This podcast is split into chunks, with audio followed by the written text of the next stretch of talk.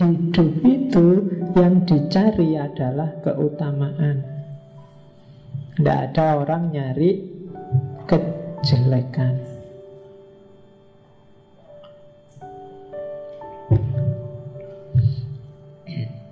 Jadi yang pertama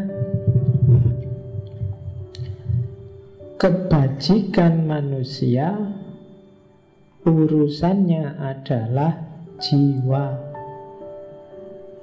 Fisik itu dipengaruhi oleh jiwa. Ini alirannya agak ideal. Beda sama besok eksistensialis.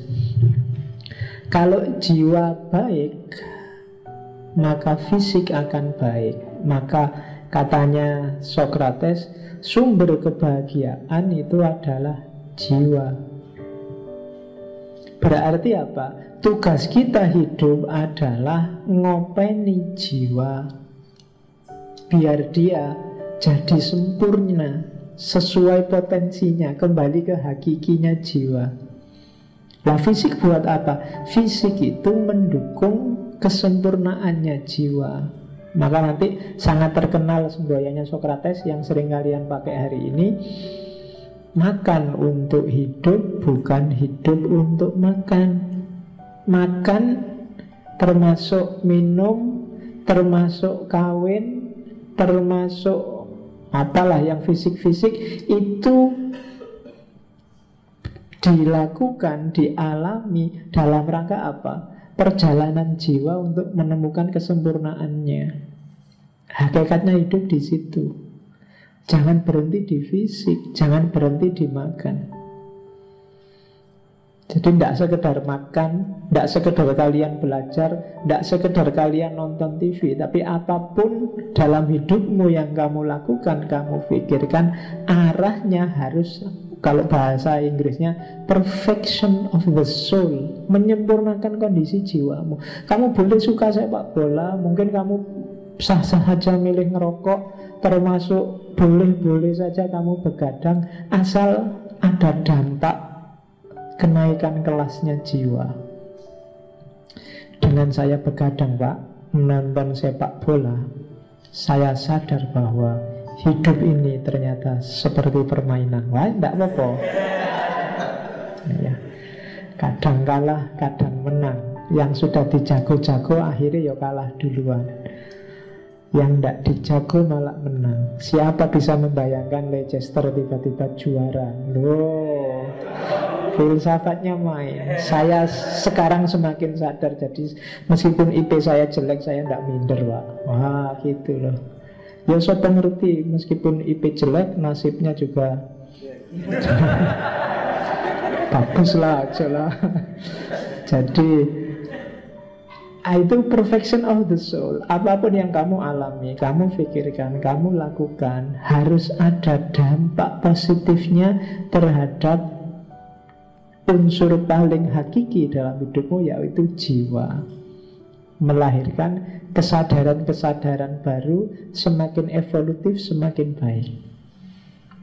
Ngerokok mungkin ya secara fisik kesehatan dia jeleknya luar biasa. Tapi mungkin dengan ngerokok ada perfection of the soul-nya. Saya dengan ngerokok ini jadi sadar pak. Betapa lemahnya fisik manusia itu. Wah ngono loh. Jadi nah tidak apa-apa itu. Itu namanya arete jadi segala yang membuat jiwa optimal dalam fungsinya maka dia utama. Nah cuma katanya Socrates ini ya tadi kan contohnya segala hal. Cuma untuk tahu mana sih yang benar-benar meningkatkan kualitas hidupmu?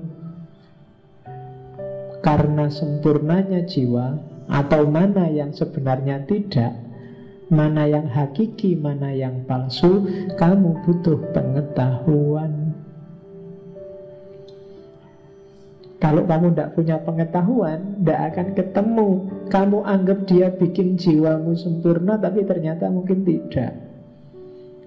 Loh Pak, dengan ngerokok itu saya sadar itu loh Enggak, pengetahuanmu perlu ditambah lagi. Kita butuh pengetahuan. Karena kalau tanpa pengetahuan, ya tanpa data, ya mungkin pinginnya kamu menaikkan kelasnya jiwamu, mungkin malah mendegradasi. Jadi mungkin kamu pinginnya jadi orang utama, malah jadi hancur. Kenapa? Pengetahuannya kurang.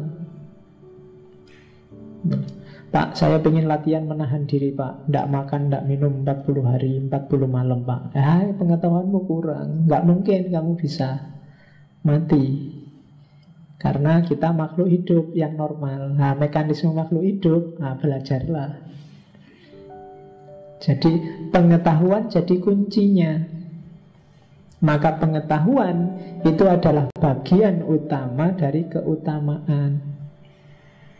Jadi perilaku yang utama itu demi perfection of the soul dan untuk tahu mana yang perfection of the soul, mana yang tidak, kita butuh pengetahuan.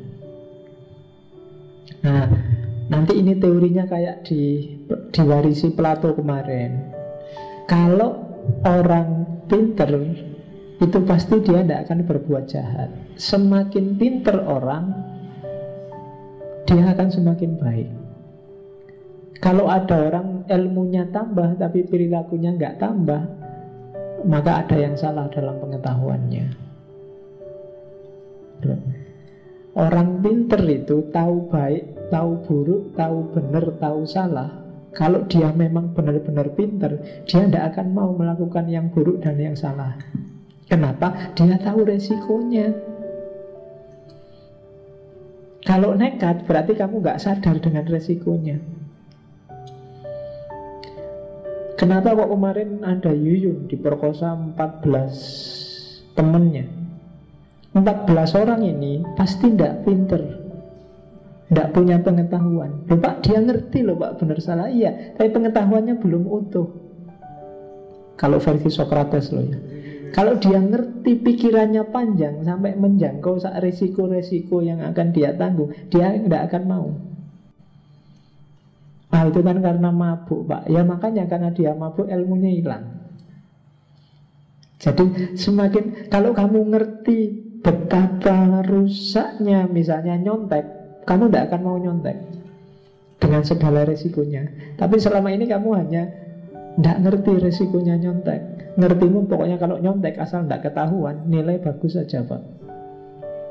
Tapi mungkin kamu nggak melihat dampaknya untuk jiwamu Dampaknya untuk mentalmu Pendidikan apa yang sedang kamu tanamkan untuk jiwamu. Itu Semakin kamu sadar bagaimana Semakin lengkap ilmumu Semakin kamu akan jadi orang baik Itu maunya Socrates Kok ada orang pejabat, sudah pejabat, sudah kiai juga, tapi kok masih korupsi, ya sebenarnya dia kurang pinter.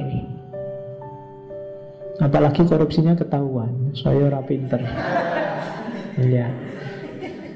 Jadi harusnya kalau dia pinter dia ngerti dampak yang harus dia tanggung dari korupsinya dengan enaknya dia korupsi itu tidak imbang. Dulu. Jadi ada keutamaan kamu sama pacarmu Nginep di hotel berdua Enak sih Tapi kan sebentar Kamu paling kuatnya berapa? Tapi dampaknya yang kamu tanggung Oh itu bisa panjang. Kalau kamu cerdas kamu tidak akan mau. Apalagi kalau terjadi kecelakaan. Oh, wassalam kamu tidak akan bisa tidur itu. Paling kamu nanti nyari iklan yang itu. Terlambat bulan Ini mesti gitu Iya tapi kalau kamu akalmu panjang juga Kamu gak akan serta-merta manut apa isinya iklan itu. Karena dampaknya juga luar biasa. Kamu nekat ke situ karena kamu gak tahu dampaknya. Baik untuk psikis, psikologis, kesehatan dan seterusnya. Itu yang dimaksud oleh Socrates. Keutamaan itu sumber utamanya adalah pengetahuan. Itu yang di level apa pun, agama apa pun, ajaran apa pun, tidak ada satupun yang bilang ilmu itu tidak penting. Semua bilang ilmu itu penting Kuncinya hidup itu ada di ilmu Ya kan? Nabi Adam aja sebelum turun ke bumi kan sama Allah Disangoni banyak ilmu Wa alama adamal asma'akullaha Kenapa? Ya bukannya hidup itu ilmu. Kita tahu yang baik dan buruk itu ilmu.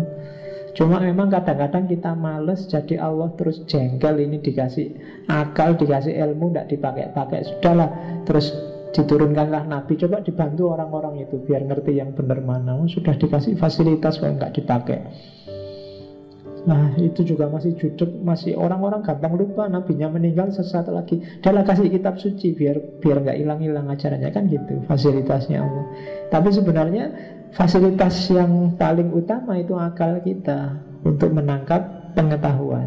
Itu namanya arete, keutamaan. Jadi dalam hidup mari kita cari yang utama.